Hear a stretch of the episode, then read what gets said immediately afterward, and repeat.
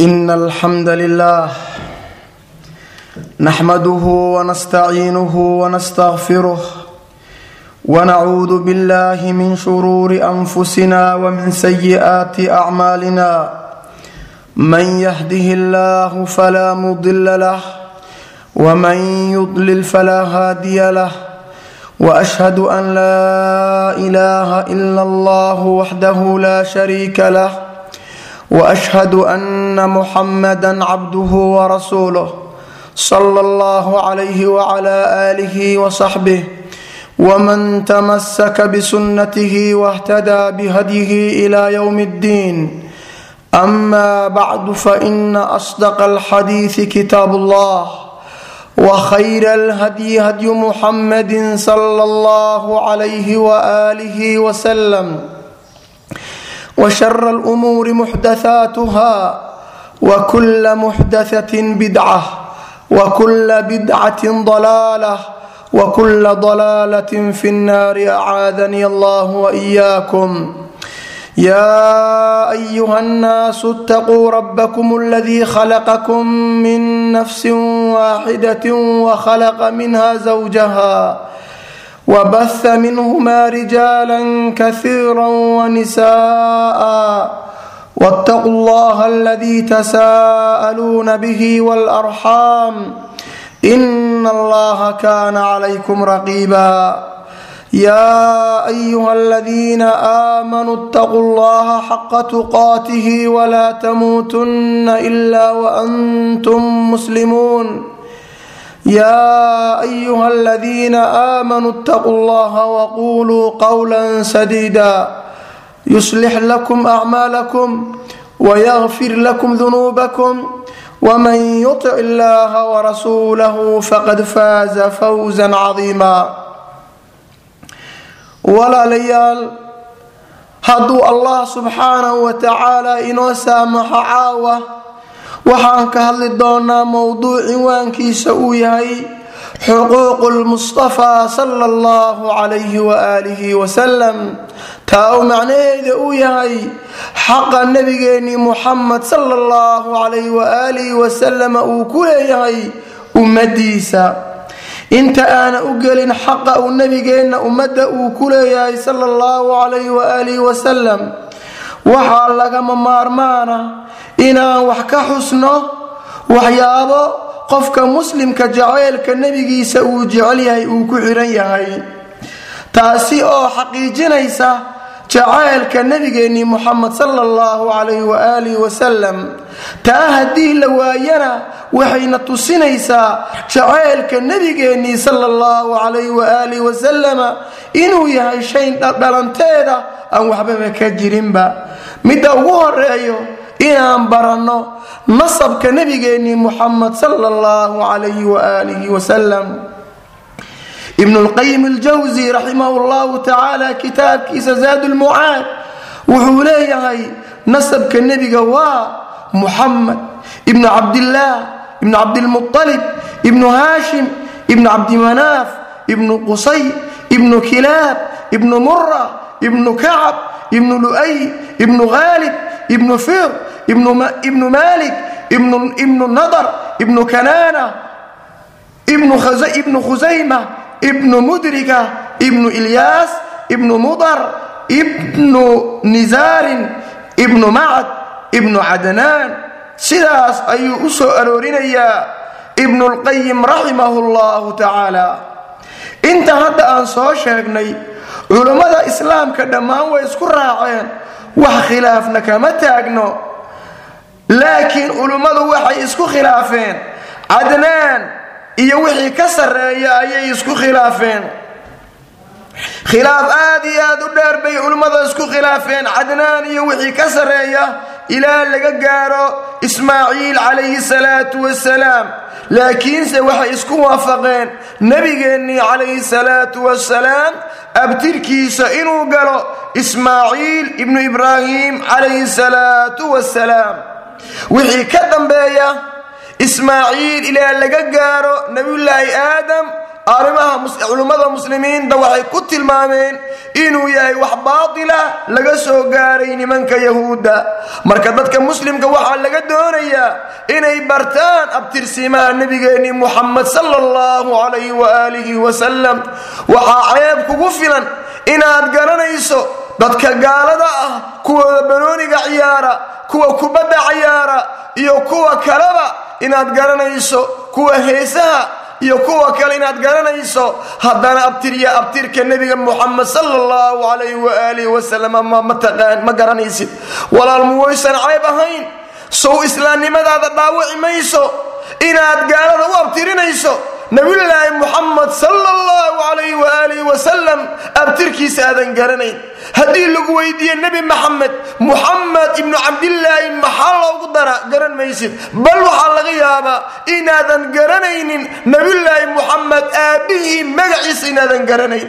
Warka waa inaan ilaahay subxaanahu wa tacaala ka cabsannaa waa inaan abtirka nebigeenni muxamed sala allahu calayhi waaalih wasalam aan barannaa oo aan isku xishoonnaa oo wax isku falnaa. Maxaa yeelay muwaana doonay inuu nebi maxamed aakhiro noo shafeeco muwaana doonaynin inuu nebiyulaahi muxamed sala allahu calayh waaalih wasalama aakhiro inaan meel la joogno haddaynu doonayno maxaan abtirka nebigeenni aan u baran lanahay oo aan u baranaynaa abtirka dadka gaalada ah kafarada ah. Marka walaalayaal waa inaan dib isu saxnaa oon ilaahay ka cabsannaa oo nebigeennii muxamed sala allahu calayh waaalih wasalam abtirkiisa baranno. Midda kale oo lagama maarmaanka inaan barano waxay tahay dhalashada nebigeennii muxamed sala allahu calayh waaalih wasalam nebigeennii wuxuu dhashay maalin isniina ayuu dhashay. Bisha rabiicul awal buu dhashay. Bacdulculamaa waxay yidhaahdaan laba iyo tobankeedii buu dhashay. Qolana waxay yidhahdaan sagaalkeedii buu dhashay. Xaafid ibnu xajar asqalaani raximahu llahu tacaala kitaabkiisa fatxulbaari ayuu wuxuu ku soo aroorinayaa aqwaasha culimmada dhalashada nebigeennii sala allahu calayh waaalih wasalam laakiinse waxay culimmada isku raaceen nebigeennii inuu dhashay bisha inuu dhashay maalin isnin inuu dhashay. Sidaa uu warinayo saxaabiga jaliilka la yidhaahdo abu qataada alxaari bnu ribiciy alansaari radi allahu tacala canhu qaal sa'la rajulu rasuula allahi sala allahu alayh waalih wasalam faqaal maa taquulu fii sawmi yowmi lithnayni nin baa nebiga u yimi markaasuu yidhi yaa rasuula allah soonka maalinta isniinta aad sooman tahay maxaad ka leedahay? Nebiga wuxuu yidhi sala allahu alayh waalih wasalam daaka yowmun wulidtu fiih. Maalinta isniinta waa maalinta lay dhalay wa fiihi uuxiya ilaya maalinta ayaana la ii waxyooday. Xadiidkaasi waxaa warinayo muslim baa saxiixiisa ku warinayo imaamu axmedna musnadkiisa buu ku warinayaa. Intaa kadib waxaa kaloo lagama maarmaana qofka muslimka inuu barto magacyada nebiyulaahi muxamed sala allahu calayh waaalih wasalam jubayr ibnu mudcim waxaa laga wariyey wuxuu yidhi nebigeennii muxamed sala allahu calayh waalih wasalam wuxuu yidhi inna lii asmaa'a anugu waxaan leeyahay magacyo fara badan baan leeyahay. Ana muxammadun ana axmadu ana almaaxi alladii yamxu allahu bihi lkufr wa ana alxaashir yuxsharu nnaasu calaa qadami wa ana alcaaqiba alladii laysa bacdii shay xadiidkaasi waxaa wariyey bukhaari iyo muslim baa wariyey xadiidku wuxuu leeyahay magacayga waxaa la yidhaahdaa muxamed waa la yidhaahdaa axmedna waa la yidhaahdaa maaxina waa la yidhaahdaa maaxiu nebiga waa fasira wuxuu yidhi yamxu llaahu bihi lkufr ilaahay wuxuu igu tirtirayaa gaalada buu igu waa maxay gaalada gacmaheenni buu ku cadaabayaa nabigana sidaa buu sameeyo wakhtigii uu noolaa salawaatullaahi wasalaamu calayh hawshiisii ugu waaweyneed waxuu qabta waxaa ka mid ah inuu cadowga ilaahay uu la diriro ayaa ka mid ahaa. Magacyada nebiga waxaa kaloo ka mid ah alxaashir baa ka mid ah. Kulmin weeye alladii yuxsharu nnaasu calaa qadamii dadka waxaa la kulminayaa nebi maxamed hortii baa lagu kulminayaa wa ana alcaaqibu anigu waxaanay kii ugu dambeeyey laysa bacdii shay magacyadaa dhammaan waa magacyo uu leeyahay nabiyulaahi muxamed sala allahu calayh waali wasalam xadiidkaasaan u soo sheegnayba waxaa wariyey bukhaari iyo muslim baa soo saaray imaamu tirmidina waa warinayaa raximahum allahu tacaala waxaa kaloo lagama maarmaana qofka muslimka inuu barto kunyada nebigeennii muxamed sala allahu calayh waali wasalam nebiga kunyadiisa waxaa la dhihi jiray abulqaasim ayaa la dhihi jiray oo wiilkiisiibaa qaasim la dhihi jiray sidaa ayaa loogu kunyeeyey. Nebiga waxaa la dhihi jiray abulqaasim arrinkaasina culimmada muslimiinta wax isku khilaafay ma jiro waxay isku raaceen.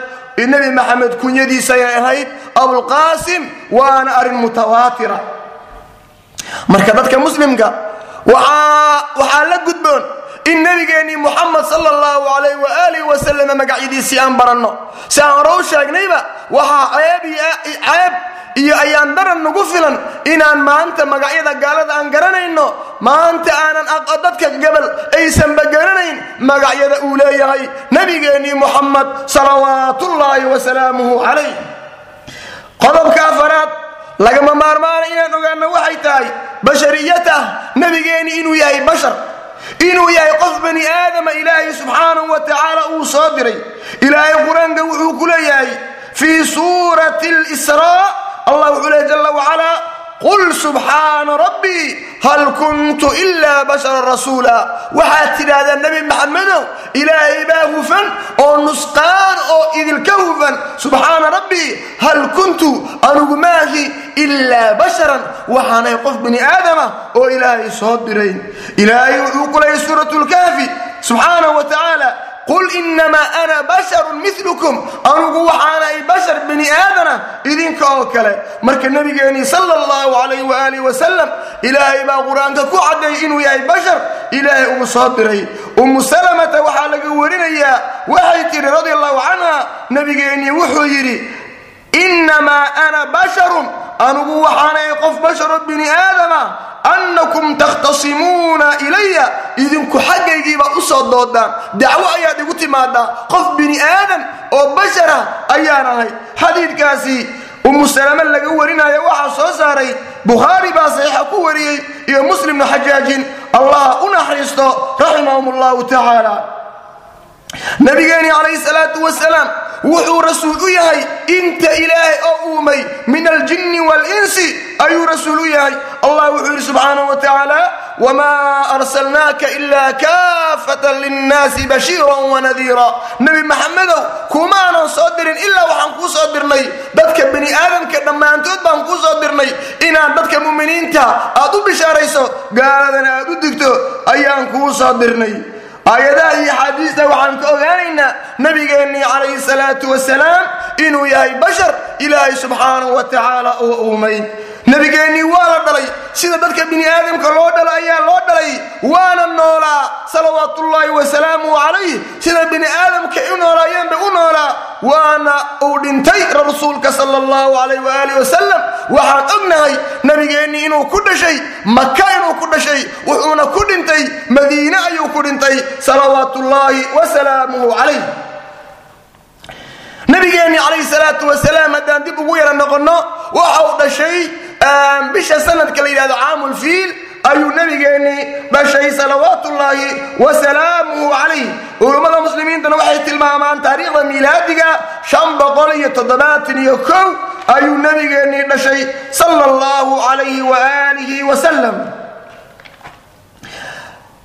waxyaabaha kale qofka muslimka laga doonaayo inuu ogaado waxay tahay inuu nebigeennii ou yahay inta ilaahay ou uumay midka ugu khayr badan ugu fadli badan inuu yahay waa inaad rumaysnaataa inuu nebigeennii malaa'igta ka fadli badan yahay nebiyada ka fadli badan yahay inta allah subxaanahu wa tacaala oo uumay waxaa ugu khayr badan nabiyullaahi muxamed sala allahu calayh waali wasalam abu saciid alkhudri waxaa laga warinayaa qaala qaala sala allahu alayh waali wasalam nabigeenni wuxuu yidhi ana sayidu waladi aadam walaa faqra nebi maxamed wuxuuna leeyahay anugu waxaan ahay ubadka ou dhalay nebi aadan sayidkoodii baan ahay ayuuna leeyahay nabigeennii sala allahu alayh waali wasalam walaa faqra faanna ma aha nebiga calayhi salaatu wasalaam faan uu ku faanaayo inuu yahay ubadka nebi aadam inuu ugu fadli badan yahay ma aha bal waa amar ilaahay subxaanahu wa tacaala uu amrayo dadka inuu u sheego inuu nebigeenni yahay dadka inta ilaahay umuumay dadka ugu khayrka badan uguna fadliga badan. Xadiidkaan soo sheegnay waxaa warinayo imaamu tirmidi ibnu maajah shaykhu lalbani raximah llahu tacaala wuxuu ku saxiixinayaa silsilada xaadiis saxiixa ayuu ku saxiixinayaa raximah llahu tabaaraka wa tacaala arrinka lixaad oo lagama maarmaanka qofka muslimka inuu og yahay waxay tahay shahaadatu anna muxamadan rasuulullah. Macnaheedu maxay tahay? Daa'iman wa abadan. Waxaan idhaahnaa anna muxamadan rasuulullah. Ayuu qof kasta oo muslim yidhaahdaa. Taa macnaheedu maxay tahay? Culummada waxay ku fasireen oo yidhaahdeen taacatuhu fii ma amar nabigeennii calayhi salaatu wasalaam awaamirtii uu bixiyey oo la qaato wa tasdiiquhu fii ma ahbar waxyaabihii nebiga uu ku warramay oo la rumeeyo waijtinaabu maa nahaa canhu wazajar nabigeennii calayhi salaatu wasalaam waxyaabuu nooga digay inaan ka digtoonaanno oo aan iska ilaalinno. Waan nacbud allaha waan laa nacbud allaha ilaa bima sharax. Inaanan ilaahay ku caabudin subxaanahu wa tacaala ilaa wuxuu sharciyeeyey. Inaan sharci jaabkeennii kala imaanin inaanan cibaado jaabkeennii kala imaanin oonaan nebi maxamed aan raacno sala allahu calayhi waaalihi wasalam ilaahay wuxuuna leeyahay asagoona dareensiinaya nebi maxamed inaan adeecno warkiisa yeelno wuxuuna leeyahay fii suurat aali cimraan qul in kuntum tuxibuuna allaha fattabicuunii yaxbibkum allah wayakfir lakum dunuubakum wallahu gafuurun raxiim qul nebi maxamedood waxaad ku tidhaahdaa in kuntum haddaad tihiin bini aadano in kuntum haddaad tihiin tuxibuuna allah kuwa alla jecel fattabicuunii nebi maxamed raaca yuxbibkum allah wayakfir lakum dunuubakum ilaahay baa idin jeclaanaya dembigan waa idinka dhaafaya wallahu gafuurun raxiim aayadda ilaahay wuxuu ku soo gebagabeeyey goodi oo uuna leeyahay qul atiicu allaha wrasuul ilaahay adeeca nebigiisana adeeca fain tawallow haddaad jeesataan oo aad raaci weydaan ilaahay iyo nebigiisa sala allahu calayh waali wasalam fa ina allaha laa yuxibu lkaafiriin ilaahay gaaladu ma jecla. Waxaa laga wadaa ciddii nebi maxamed awaamirtiisii fulin weyda diidda daacadiisii diidda waa qolo gaalo ah ilaahayna gaaladu ma jecla subxaanahu wa tacaala. Suurat nisa ilaahay wuxuu ku leeyahay man yutic rasuula faqad ataaca allah. Axadkii nebi maxamed adeeca wuxuu adeecay allah buu adeecay subxaanahu wa tacaala. Marka walaalayaal waan ilaahay subxaanahu wa tacaala waa inaan ka qabsannaa waa inaan nebi maxamed aan weynaynaa waxaana ku weynaynaynaa. Awaamirtiisa inaan qaadanno. Waxyaabihii dardaarankiisa inaan qaadanno ayaan ku weynaynaynaa nabigeenni calayhi salaatu wasalaam midda kalean soo sheegnay tasdiiquhu fii ma amar nebi maxamed inaan rumayno wax alla wuxuu nebi maxamed ka warramay waa lagama maarmaan. Waxyaabaha maadiga oo tegay oo nebiyullaahi maxamed uu ka warramay waa lagama maarmaan. Inaan rumayno waxyaabihii nebi maxamed uu ka warramay ee mustaqbalkaa waa lagama maarmaan. Waxyaabaha qeybiyaadka oo nebi maxamed ilaahay uu u warramay waa inaan rumaynaa salawaatu ullaahi wasalaamuhu calayh.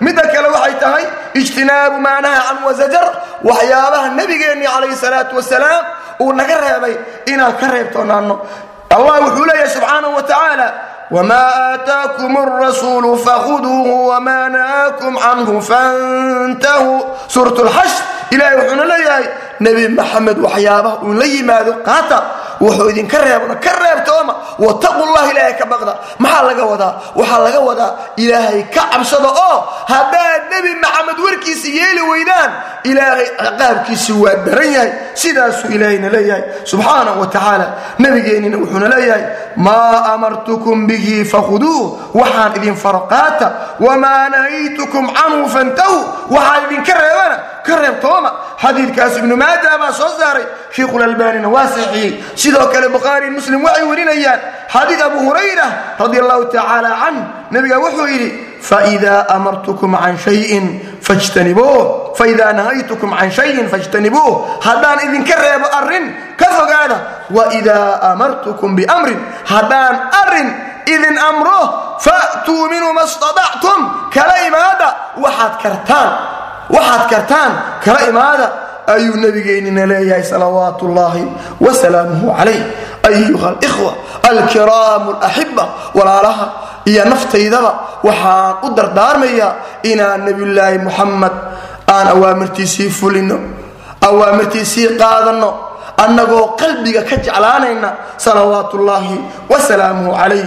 Intaasi waxaan ugu gudbayaa hordhac haddana waxaan u gelaynaa mowduuceennii aan ku magacawnay xuquuqu nabiyi sala allahu calayh waaalih wasalam calaa ummatih xuquuqda nebi maxamed salawaatullaahi wasalaamuhu calayh uu ku leeyahay ummadiisa walaalayaal waxaan ognahay nabigeennii sala allahu calayh waaalih wasalam maalintii ugu horaysay ay ku soo degtay iqra' bismi rabbika aladii khalaq khalaqa alinsaana min calaq. Laga bilaabo maalintaasi ilaa uu ka dhintay oo uu god ka galay har iyo habeen wuxuu u soo taagnaa saan ku wanaagsanaan lahayn saan ku islaami lahayn saan diinta ku raaci lahayn saan janna ku geli lahayn ayuu u taagnaa nabiyulaahi muxamed salawaat ullaahi wasalaamuhu calayh. Maadaama nebigeennii uu sidaa ahaa hadduu dhinto maaha inaan nidhaanno maata muxamadun nebi maxamed waa dhintay.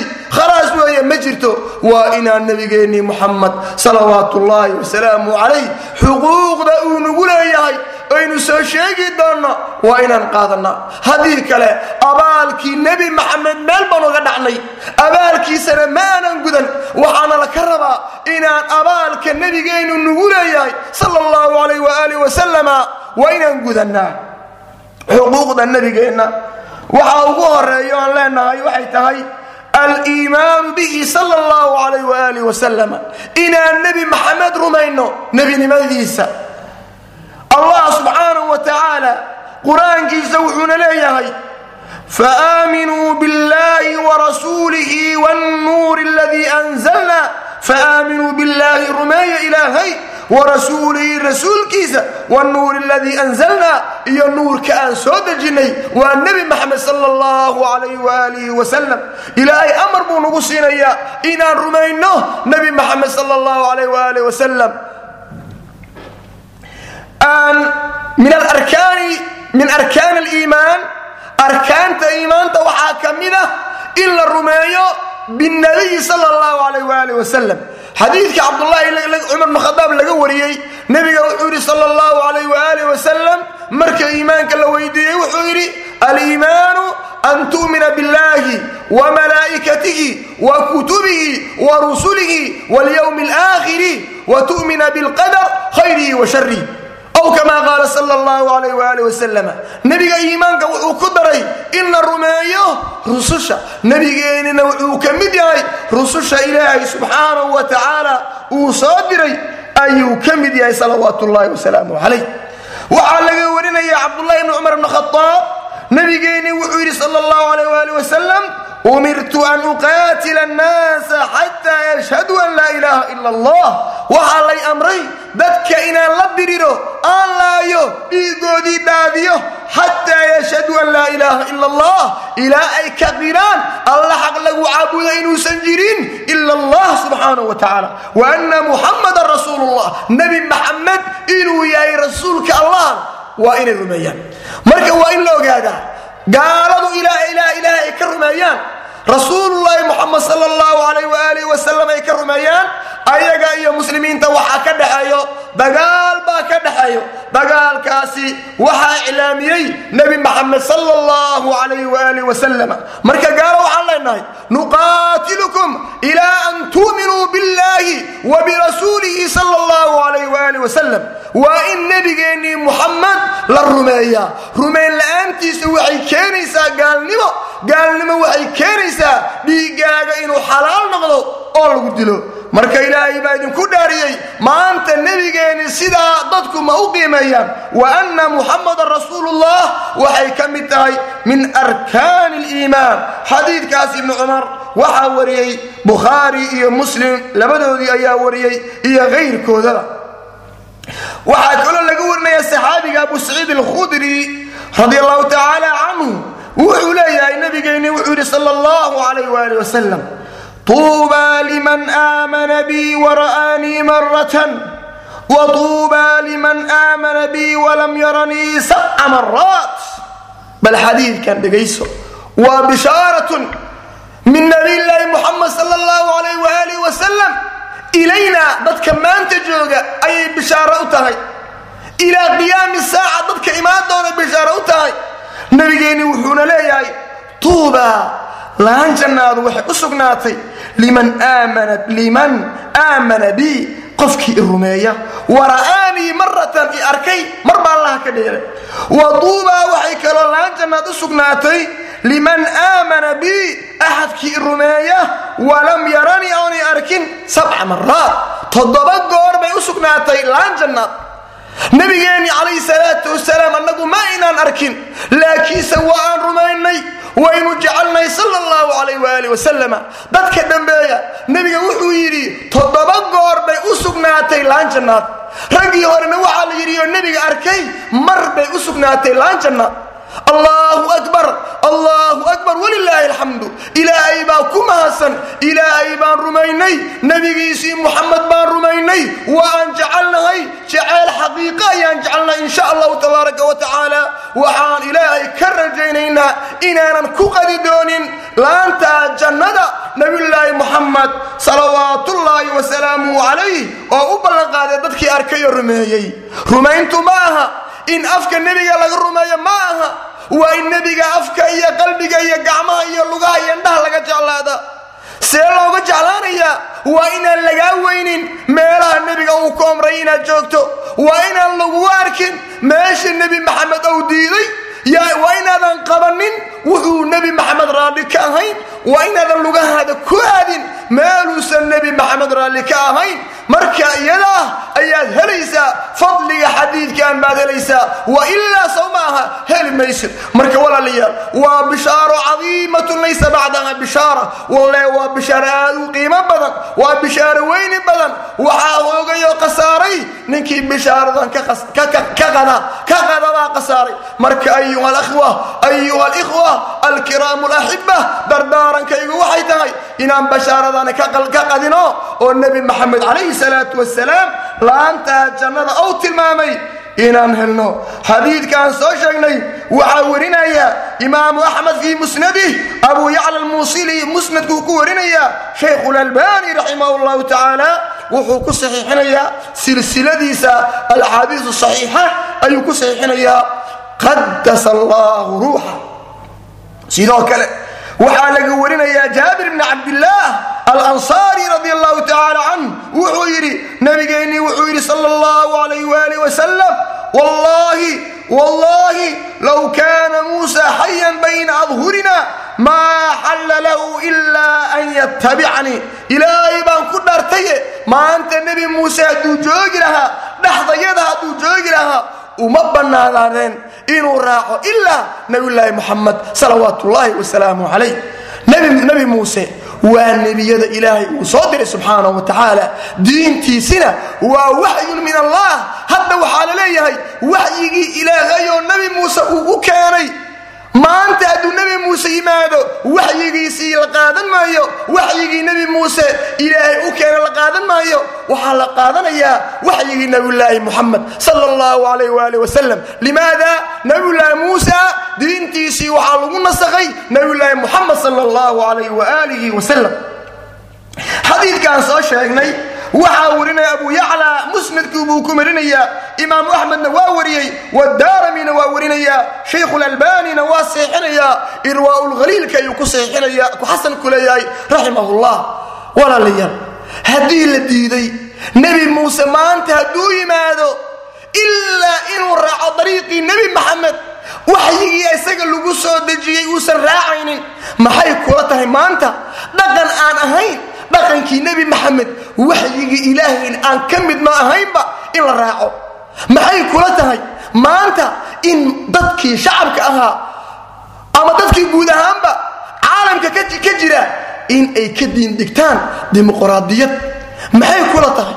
Maxay kula tahay maanta axadkii raaca xeerbeegto oo dhaqankii ilaahay iyo nebi maxamed wixii lagu soo dejiyey ka doorta ee qaata xeerbeegto xaguu aadayaa xaggeese aakhira wuu fili doonaa marka ilaahay baan ka magangelaynaa mujtamaca muslimiinta meel kastay joogaanba meel kastay joogaanba waxaan u dardaarmayaa ayaga iyo anigaba inaan ilaahay xukunkiisa qaadanno inaan sharcigii nebi maxamed qaadanno calayhi salaatu wasalaam taasay sharaftayni ku jirtaa wanaageeni kaabuu ku jiraa cizadeennii sharafteeni sideebay ku jirtaa? Cumar bnu khaaab raximah llahu tacaala waradia allahu canhu wuxuu yidhi naxnu qawmun acazana allahu bilslaam annagu waxaynu nahay dad ilaahay uu ku ciseeyey uu ku sharfay islaamnimada. Famahma btagayna alcizata min gayrihi adana allah haddaan cizo iyo sharaf ka raadinno meelaan ilaahay cizo gaynin waa la duloobayaa marka walaalayaal waa inaan diinka ilaahay qaadanaa waa inaan hadyigii nebigeennii aan qaadanaa waa inaan nebigeennii muxamed aan rumaynaa rumayn dhaba waa inaan rumaynaa salawaat ullaahi wasalaamuhu calayh. Qodobka halka haddaan uga gudbo qodobka labaad oo lagama maarmaanka ah oo ka mid ah min xuquuqi nabiyi sal allahu alayh waalih wasalam calaa ummatih ummadiisa xaqa nebiga uu ku leeyahay waxaa ka mid ah maxabatuhu salawaat ullaahi wasalaamuhu calayh. Nebi maxamed in la jeclaado in la jeclaado nebi maxamed calayhi salaatu wasalaam arrinkaasina waa waajib. Qof kastaoo muslima qof kastaoo muslima waxaa laga doonayaa inuu jeclaado nabiyulaahi muxamed salawaat ullaahi wasalaamuhu calayh. Arrinka ilaahay baa nagu amray kitaabkiisa munasalka ilaahay wuxuuna qul in kaana aabaa'ukum waabnaa'ukum waaswaajukum waashiiratukum qul in kaana aabaa'ukum waabnaa'ukum waikhwaanukum waaswaajukum وعشيرتكم وأموال اقترفتموها وتجارة تخشون كسادها ومساكن ترضونها أحب إليكم أحب إليكم من الله ورسوله وجهاد في سبيله فتربصوا فتربصوا حتى يأتي الله بأمره والله لا يهدي القوم الفاسقين ilaahay wuxuuna leeyahay subxaanahu wa tacaala nebi maxamedow waxaad ku tidhaahdaa qul in kaana aabaa'ukum aabbayowgiinna hadday yihiin wa abnaa'ukum iyo carruurtiinna wa ikhwaanukum iyo walaalihiinna wa aswaajukum iyo xaasaskiinna wa iyo qaraabadiinna iyo tolkiinnaba hadday yihiin wa cashiiratukum wa amwaalun iqtaraftumuuha iyo xoolo ganacsi aad kasbateen oo shaqaysateen wa amwaalun iqtaraftumuuha wa tijaaratun takhshawna kasaadaha iyo ganacsi aad ka baqaysaan in baksi iyo khasaaro uu ku dhaco. Hadday tahay arrinka hadduu yahay axaba ilaykum min allahi wa rasuulih ilaahay iyo rasuulkiisa haddaad ka jeclaataan iyo jihaadka ilaahay subxaanahu wa tacaala addoommadiisa uu ku waajib yeelay haddaad ka jeclaataan fatarabasuu xataa ya'tiya allahu biamrih suga ilaa amarkii ilaahay uu ka yimaado ibnu kaiir raximah llahu tacaala kitaabkiisa tafsiirka wuxuu ku leeyahay fantadiruu maa yaxilu bikum. Waxaad sugaysaan waxaa idinku dhici doona oo ah min ciqaabihi wa nakaalih ilaahay cadaabkiisa iyo waciidkiisii baa la sugaya haddaan ilaahay iyo rasuulkiisa aan ka jeclaanno aabbayaashiina dhalay hooyooyinka yaga iyo carruurteenna iyo ganacsiga haddaan ka jeclaanno iyo jihaadkaba haddaan ka jeclaanno inta la soo sheegay waxaa la sugayaa waxay tahay cadaabki ilaahay baa la sugaya ayuha alaxbaab cadaabki ilaahay muu dulqaadan karna cadaabki ilaahay korkeenna ma u gegsan kara la maadaama aanan u gegsan karin waa inaan ilaahay jacaylkiisa iyo nebi maxamed jacaylkii iyo jihaadkaba aan ka hormarino min kulli maxbuub. Wax kastoo la jeclaado waa inaan ka hormarina. Lida wuxuu warinayaa imaamu lbukhaari wa muslim xadiid laga warinayo saxaabiga la yidhaahdo anas ibnu maalik khaadimu rasuulilaahi sal allahu alayh waali wasalam wuxuu yidhi nabigeennii nabadgelyo iyo naxariis korkiisa ha ahaatee wuxuuna leeyahay laa yu'minu axadukum midkiin iimaan laga heli maayo ilaahay ma uusan rumayn. Laa yu'minu axadukum xataa akuuna axabba ilayhi ilaa aan ahaado mid xaggiisa laga jecel badan yahay. Xataa akuuna axabba ilayhi min waalidihi wa waladihi wnaasi ajmaciin. Ilaa iga jeclaado waalidkiisa caruurtiisa iyo dadka oo dhan ilaa uu nebi maxamed uu ka hormariyo. Taa haddii la waayo iimaan waa la waaye. Sidoo kale imaamu nasaa-i wuxuu warinayaa min xadiidi anas nabigeennii wuxuu yidhi sal allahu alayh waalih wasalam laa yu'minu axadukum xataa akuuna axabba ilayhi min maalihi. Qof iimaan laga heli maayo ilaa uu ka ahaado maalkiisa iyo wa ahlihi ehelkiisa wanaasi ajmaciin iyo dadka oo dhan miduu ka hormariyo nabiyulaahi muxamed salawaatu ullaahi wasalaamuh calayh riwaayadda dambe imaamu nasaa'i uu warinaayo shaykhulalbaaniyaa saxiix yeelay raximah llahu tacaala. Sidoo kale imaamu lbukhaari wuxuu warinayaa xadiid laga warinaayo cabdullaahi ibnu hishaam. Wuxuu yidhi nabigeenni wuxuu yidhi sal allahu alayh waali wasalam inta inta xadiidka dambe inaan u gudbin axaadiista hadda aan soo sheegnay waxayna amreen ay nagu waajib yeeleen in jacaylka nebi maxamed aan ka hormarinno shay walboo la jeclaado. Hadduu noqon lahaa waalidka ku dhalay hadduu noqon lahaa carruurtaad dashay hadday noqon lahayd ganacsigaaga iyo tijaaradaad hadday ahaan lahayd iyo adduunka waxa saaranba haddaad nebi maxamed aadan ka hormarin islaamnimadaadii iyo iimaankaaga fiihi dahan wa xadiidka dambe wuxuuna leeyahay cabdullaahi ibnu haashim baa laga warinaya radia allahu canhu qaala kunnaa maca nabiyi sal allahu alayh waalih wasalam nebi maxamed baan la joognay wa huwa aakhidun biyadi cumar asagoo cumar ibnu khadaab gacanta haaya. Faqaala cumar baa wuxuu yidhi radia allahu tacaala canhu yaa rasuul allah la anta axabu ilaya min kulli shay ilaa nafsii rasuulka allow adigu waxaa tahay mid shay weliba xaggaygu loogu jeceyl badan yahay ilaa naftaydii maahe naftaydi un baan kaa jeclahay. Cid kale aan kaa jeclayn lama arko. Faqaala nabiyu sal allahu alayh waalih wasalam laa maya waladii nafsii biyadihi allaha naftayda gacantiisay ku jirtay baan ku dhaartaye cumarow ima jeclid xataa akuuna axabba ilayka min nafsika ilaa aan ka ahaado mid naftaada loogu jeceyl badan yahay mid xaggaaga loogu jeceyl badan yahay nebi maxamed naftaadaba allah ka yeelay faqaala cumar baa wuxuu yidhi fainahu lana wallahi la anta axabu ilaya min nafsi wallaahi baan ku dhaartaye nebi maxamedow hadda naftaydii waa aan kaa jeclahay. Faqaala nabiyu sal allahu alayh waalih wasalam wuxuu yidhi alaana yaa cumar hadda cumarow ilaahay baa idinku dhaariyey. Walaalayaal axad kastoo muslima ee warkaygii dhegaysanaya waxaan leeyahay su'aal waxaad isweydiisaa nebi maxamed calayhi salaatu wasalaam qof kasta ma ka jeceshahay waalidkaaga ma ka jeceshahay? Naftaada ma ka jeceshahay? Ganacsigaaga ma ka jeceshahay? Hadday su'aashu nacnay tahay gowska dambe ku qabso wanaag baad haysataa khayr baad haysataa. Hadday midda labaad tahay dib isugu noqo. Isisax waa in nebi maxamed calayhi salaatu wasalaam jeceylkiisa aan ka hormarinnaa shay kasta waa inaan ka hormarinnaa.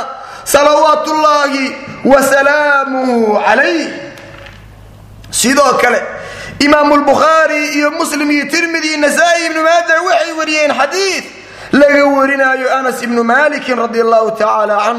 Wuxuu yidhi anas nabigeennii nabadgelyo i naxariis korkiisa allah yeele. Wuxuu yidhi alaaun man kunna fiih. Saddex arrin ninkii ay ku dhex jiraan alaaun man kunna fiih wajada bihinna tacma aliimaan wuxuu helayaa dhadhanka iimaanka. Iimaanka dhadhan buu leeyahay. Asxaabta nebiga salawaatullaahi wasalaamu calayhim asxaabta nebiga ridwaanullaahi tacaala calayhim waxay dhadhamiyeen. Macaanka iimaankiibay dhadhamiyeen. Macaankii iimaankiibay dhadhamiyeen. Ilaahay waxaan weydiisanaynaa inuuna dhadhan siiyo inuuna garad siiyo iimaanka allahna waafajiyo. Subxaanahu wa tacaala nabiga wuxuuna leeyahay alaau man kuna fiih wajada bihinna طacma aliimaan midka koobaad maxay tahay? Man kaana allahu warasuuluhu axaba ilayhi mima siwaahuma. Ciday ahaato ilaahay iyo rasuulkiisa uu ka jeceliya wixii ka soo haray. Wax alla wixii ka soo haro min almakhluuqaada. Waa inaan ka jeclaanaa ilaahay iyo rasuulkiisa. Marka maxalu shaahidka ayaan isaga gaabsanaynaa marka walaalayaal iimaanka dhadhankiisa iyo wanaagiisa iyo macaantiisa waxaa la helayaa. Waa marka nebi maxamed jacaylkiisa aan ka hormarino cid kasta oo la jeclaado ayaan helaynaa riwaayad kaloo nasaa-i warinaayo nebiga wuxuu yidhi alaaun man kuna fiihi wajada bihina xalaawat aliimaan wa acmih wajada bihina xalaawat aliimaani wa acmah saddex arrin axadkii laga helo wuxuu dhandhaminayaa iimaanka macaantiisii iyo dhadhankii iimaanka ayuu helay walaalayaal muwaanan doonayn dhadhanka iimaanka. Walaalayaal muwaanan doonayn macaanta iimaanka. Iimaantama wax fudududa? Waa shay wanaagsan. Waxaanu ku helaynaa jacaylka nabiyulaahi muxamed salawaat ullaahi wasalaamuhu calayh salawaat ullaahi wasalaamuhu calayh riwaayad kale waxay leedahay nebiga wuxuu yidhi sal اllahu alayh waalih wasalam wajada xalaawat alslaam meesha iimaankaeeda wuxuu yidhi wajada xalaawat alslaam saddex arrin ninkii laga helo wuxuu helayaa islaamnimada macaanteedii buu helayaa. Oo maxaa uga horeeyo ilaahay iyo rasuulkii jaceylkooda waa inay ka horeeyaan cid kasta oo la jeclaado riwaayadan dambe odhanaysa xalaawat alislaam nasaa-i baa soo saaray shaykhulalbanina waa uu seex yeelay raximahu llahu tacaala ayuha alikhwa wa min maxabatihi nebiga jaceylkiisa waxaa ka mida inaad ka doorto shay weliba nebi maxamed uu jecel yahay inaad ka doorato. Iithaaru maxabatihi sal allahu alayh waali wasalam maa yuxibu lxaq haddii shay aad jeclaato nebi maxamed shaygaasi uusan jeclayn. Waa inaad isaga tagtaa oo aad ka doorataa jacaylka nebiyulaahi muxamed salawaat ullaahi wasalaamu calayh. Jacaylka nebiga waxaa kaloo ka mida inaad jeclaato ahelka nebigeenii sal allahu alayh wasalam caruurtiisa waa inaad jeclaataa xaasaskiisa waa inaad jeclaataa asxaabtiisa waa inaad jeclaataa. Raggii nebigii la noolaa nebigeennii difaacay har iyo u joogay waa inaad ka jeclaataa salawaat ullaahi wasalaamuhu calayh. Nebiga jeceelkiisa waxaa kaloo ka mida inaad xuskiisii aad badiso xuska nebigeenni calayhi salaatu wasalaam inaad badiso. Waxaa hoogay waxaa hoogay oo khasaaray dadka xuska nebiga ku gaar yeelay maalin maalmaha ka mid ah ama sanad sanadada ka mid a waa inaan xuska nebigeenni calayhi salaatu wasalaam daa'iman wa abadan carabkeenna uusan ka qallalin ayaa nolo baahan yahay. Salawaatullaahi wasalaamu calayh xuska nebigana kama wado sida dadka gabale u yaqaanaan bil bilaha ka mida ama san sanadada ka ah inta meel isugu yimaadaan oo ay leeyihiin nebigaan xusaynaa nebigeenni calayhi salaatu wasalaam waa ka wan yahay in sanad la xuso waxaana la kaga baahan yahay salawaat ullaahi wasalaamuhu calayh inaan daa'iman wa abadan fii kulli saacatin wa fii kulli laxdatin ilbiriqsi kastaba inaan nebigeenni xusno salawaat ullaahi wasalaamuhu calayh xuskiisa waxaa ka mid ah inaan ku sallinno fii kulli xiin. Iyo marka la sheegaba biidni illaahi tabaaraka wa tacaala mowduuc baan u caqidi doonaa oo ku saabsan salliga nebiga salawaat ullaahi wasalaamuhu calayh nebiga oo la jeclaadana waxaa ka mid a ashawqu ilaa liqaa'ihi. Qalbigaaga waa inuu jeclaadaa daa'iman wa abadan la kulanka nebigaaga muxamed salawaat ullaahi wasalaamuhu calayh wanaag waxaaba kugu filan inaad aakharo la kulanto nebiyulaahi muxamed salawaat ullaahi wasalaamuhu calayh imaamu axmed wuxuu warinayaa xadiid laga warinayo abu umaama. Wuxuu leeyahay abu umaame ayaa nebiga gacanta qabtay nebi maxamed calayhi salaatu wasalaam baa wuxuu qabtay gacanta abu umaama buu qabtay. Markaasuu yidhi faqaal yaa abaa umaama abuu umaamow inna min almu'miniina mu'miniinta waxaa ka mida man qof baa ka mid ah. Yaliinu lii qalbah. Qof baa muminiinta ka mid a qalbigiisa xaggayga u jilicsan. Waxay culimmadu ku fasireen na liman in ana min almu'miniina muminiinta waxaa ka mida man sakana qalbahu nin qalbigiisa ou degay jaceylkii nabiga sal allahu alayh waalih wasalam jaceylkiisa wuxuu degay qalbigiisa waxaa degay qalbigiisa waxaa degay kalgacaylka nabigeeni sal allahu alayh waali wasalam ilaahay waxaan maragelinaynaa inaan nabiyulaahi muxamed jecelnahay addoommada ilaahay waxaan maragelinaynaa ilaahayna waxaan maragelinaynaa waanana ogyahay subxaana wa tacaala in qalbigeennii uu degay jaceylka nabigeennii muxamed sal allahu alayh waalih wasalam allahu aladii laa ilaaha hayruh waxaan ilaahay maragelinaynaa ilaahay rasuulkiisaba inaan ka jecelnahay wax alla wixii ka soo hara inaan ku horumarinayno ilaahay waxaan weydiisanaynaa qalbigeenna inuu ku xasiliyo ou geliyo ou dejiyo jaceylka nabiyulaahi muxamed salawaat ullaahi wasalaamu calayh taasina waxay ku imaanaysaa in nabigeenni inaynu raacno warkiisii qaadanno. Maaha inaynu jacaylka nebiga afka aan ka sheeganno. Ninkii jacaylka nebiga afka ka sheegta siiradiisa iyo dhaqankiisana laga heli waayo dhaqankii nebiga. Ninkaasi wuxuu noqonayaa warkii abshirbacadle u yidhi yaa maxaba nebi sheegtayoo diiday marinkiisa mustaxsana bidcada towrab ayaa ku magacaabay. Walaalayaal inaan dariiqii nebiga afka ka sheeganno jaceylkiisii afka ka sheeganno nebigeenni marka la sheegana inaad ku salliso madaxa aad ruxdo dhaqankii nebi maxamedna lagugu kari waayo dabiicaddii nebiga aad diiddo waa arrin aad iyo aad iyo aad u foolxuna nin shaacira wuxuu yidhi nin shaacira wuxuu yidhi yuxsa ilaahu yacsi ilaaha waanta tudhiru xubbahu hada lacumrii fi lqiyaasi badiicu low kaana xubuka saadiqan laatactahu ina almuxiba liman yuxibu mutiicu ilaahay baad caasiyaysaa nebi maxamed aad diidaysaa warkiisa haddana waxaad muujinaysaa jacaylka nebiga maxamed calayhi salaatu wasalaam afka waxaad ka leedahay nebigii baan jeclahay baad leedahay. Nebi maxamed baan rumaysnahay baad leedahay. Haddana dhaqankii nebi maxamed ma ogolid. Siiradiisii ma ogolid. Jihaadkiisii ma ogolid. Tacsi ilaaha wa anta tudiru xubbahu. Hada la fi lqiyaasi badiicu. Waa shay aad iyo aad iyo aad u kala fog low kaana xubuka saadiqan la atactahu jacaalkaaga nebi maxamed sala allahu alayh waaalih wasalam hadduu dhab yahay waad adeeci lahayd warkiisana waad qaadan lahayd maxaa yeelay ina almuxiba liman yuxibu mutiicu qofka qofka uu jecel yahay waa adeecaa waa qadariyaa warkiisii waa u yeelaa saxaabada qaabkay nebiga u jeclaan jireen.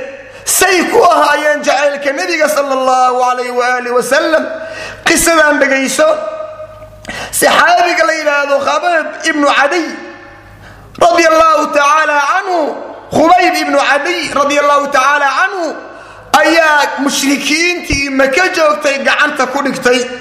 Qisaduna waa dheer tahay laakiinse waxay tahay khubayb ibnu cadiy ayaa gaaladu qabsadeen. Ugu dambayntii waxaa la soo istaajiyey tiirkii lagu dili lahaa baa la soo istaajiyey. Mushrikiintii baa waxay waraysteen khubayb ibnu cadiy ayay waraysteen waxay yidhaahdeen khubaybow waxaan kula nahay ka waran maanta haddii booska adigu maanta aad joogto nebi maxamed in lagu bedelo ma jeclaan lahayd. Adugu in lagu sii daayo nebi maxamed la keeno bartaa lagu dilo naftaadii aad ku furato ma jeclaan lahayd? Markaasuu yidhi ma jirto ma jecli nebi maxamed calayhi salaatu wasalaam inaan anigu xiraado nebi maxamed maanta ay qodax xataa mudan laysii daayo aniga in laysii daayo nebi maxamedna magaaladiisii inay qodax ku muddo ma jecli buu yidhi. Haadaa huwa alxub haadaa huwa aliimaan. Jacaylkaas baa la yidhaahdaa. Jacaylkaas baa la yidhaahdaa. Maanta ma ogoli nebi maxamed inuu madiino qodax ku muddo anilay furta ma ogoli. Sidaasay nabiga u jeclaayeen. Ridwaanullaahi tacaala calayhim. Ilaahay ha ka raali noqdeen sidoo kale saxaabi kaloo la yidhaahdo zayd ibnu dasima dasama radia allahu tacaala canhu gaaladii baa qabsatay. Makan xaramkii bay ka soo bixiyeen. Bannaankii bay keeneen.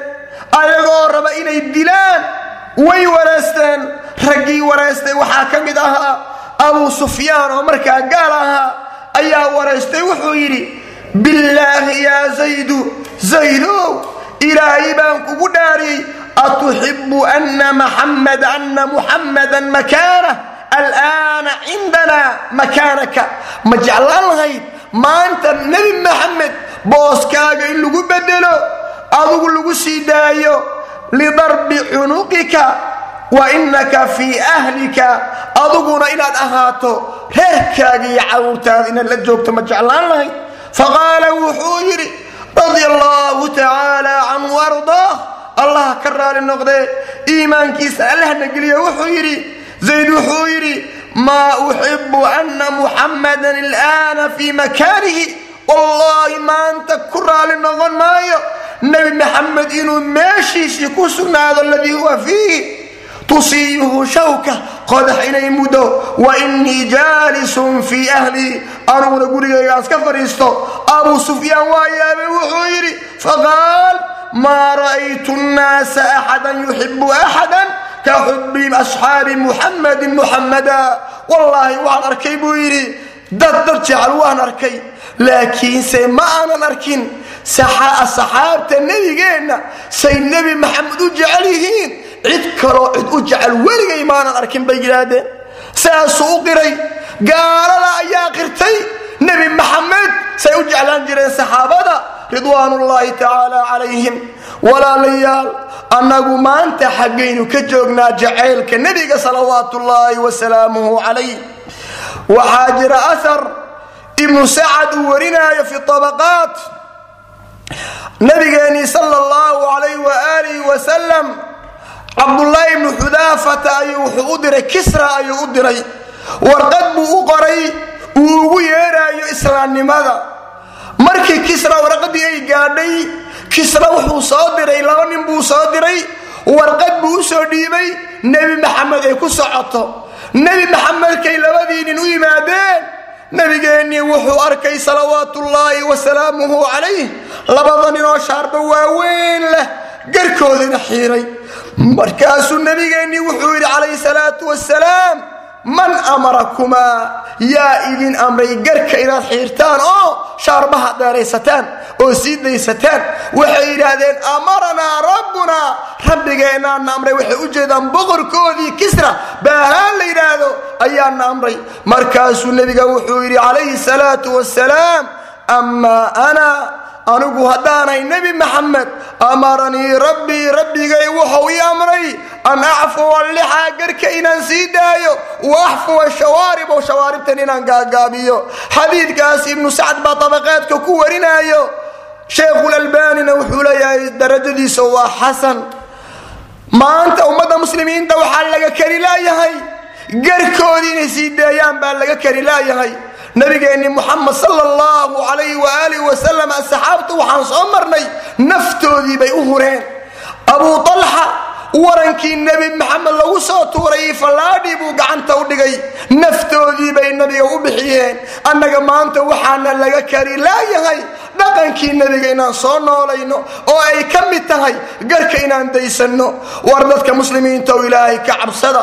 War dadka muslimiinta oo nebi maxamed aan warkiisi qaadanno aan nebi maxamed adeecno nebi maxamed sala allahu calayh waali wasalam aan weynayno. Garka oo la xiiro waa min sifaati lyahuud weeye nabigeeni wuxuu yidhi sala allahu calayh waali wasalam khaalifu lyahuuda wanasaara yahuud iyo wayin nasaara khilaafa garka daysta shawaaribta gaabiya. Ayuu nabigeenina yidhi sala allahu calayh waalihi wasalama maanta jaceylkii nebiga waxaa bedelay in nabigeennii calayhi salaatu wasalaam sunnadiisiiba laga hor yimaado.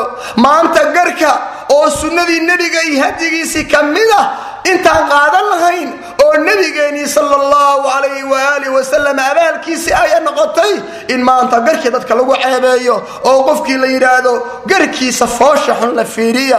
Inna lilaahi wa innaa ilayhi raajicuun. Waa xadgudub iyo dacni loo geysanayo nabiyulaahi muxamed sala allahu calayh waaalih wasalam maxaa yeelay gerka dayntiisii nebi maxamed baa amray sala allahu calayh waaalih wasalama axadkii ka hor yimaadana wuxuu khilaafay hadyigii nebiga. Marka dadka muslimka nebigaa hore ugu sheego wuxuu yidhi ya'tii cala annaasi zamaanun alqaabidu bidiinihi kalqaabidi cala jamr waxaa imaan doona wakti qofka diinka haysta sunnada nebiga calayhi salaatu wasalaam dadka noolaynaya waxay noqonayaan dad haysta dhimbildaba dad gacanta ku dhegan ayay noqonayaan marka dadka muslimiinta waxaan u dardaarmayaa ayaga iyo anigaba waxaan isu dardaarmaynaa walaalayaal inaan nabigeennii calayhi salaatu wasalaam aan jeclaanno dhaqankiisii inaan qaadanno waxyaabaha uu nebiga nooga digay oo naga joojiyey inaan ka joogsanno waxyaabaha uuna farayna inaan la nimaanno taa waxaan ku helaynaa fadli aad iyo aad iyo aad u fara badan baan ku heli doonnaa biidni illaahi tabaaraka wa tacaala mowduuceenna oo ah xuquuq lmustafaa sala allahu calayh waaalih wasalama aad iyo aad bay u fara badan tahay. Wax hal jalso iyo hal muxaadaro lagu koobi kara ma aha biidni illaahi tabaaraka wa tacaala qaybaha kale oo ku saabsan mowduuca xuquuqda nabigeennii muxamed sala allahu calayh waaalih wasalama ummaddiisa uu ku leeya halkaasaan ku joojin doonnaa. Waxaan insha allahu tacaala aan isugu imaan doonnaa xalqo kale oo mowduuceeni raacsan. Ilaahay waxaan ka baryaynaa biasmaa'ihi alxusnaa wa sifaatihi alculyaa. Ilaahay magacyadiisa waxaan ku weydiisanaynaa sifooyinkiisa wan wanaagsan. Ilaahay waxaan ku weydiisanaynaa inuu nagu irsaaqo jacaylkii nebi maxamed sala allahu calayh waaalih wasalam allahuma arzaqnaa xuba nabiyika sala allahu calayh waaalih wasalama ilaahow allahow allaha kariimka awoodda lahow waxaan kugu weydiisanaynaa magacyadaada wan wanaagsan. Iyo sifooyinkaaga wan wanaagsan iyo magacyadaada wan wanaagsan inaad nagu irsaaqdo nagu noolayso naguna disho dhaqankii nebi maxamed calayhi salaatu wasalaam. Aquulu qawlii hada wsala allahu wslama wbaaraka cala nabiyina muxamed wcla aalihi wsaxbihi wslam wbillahi towfiiq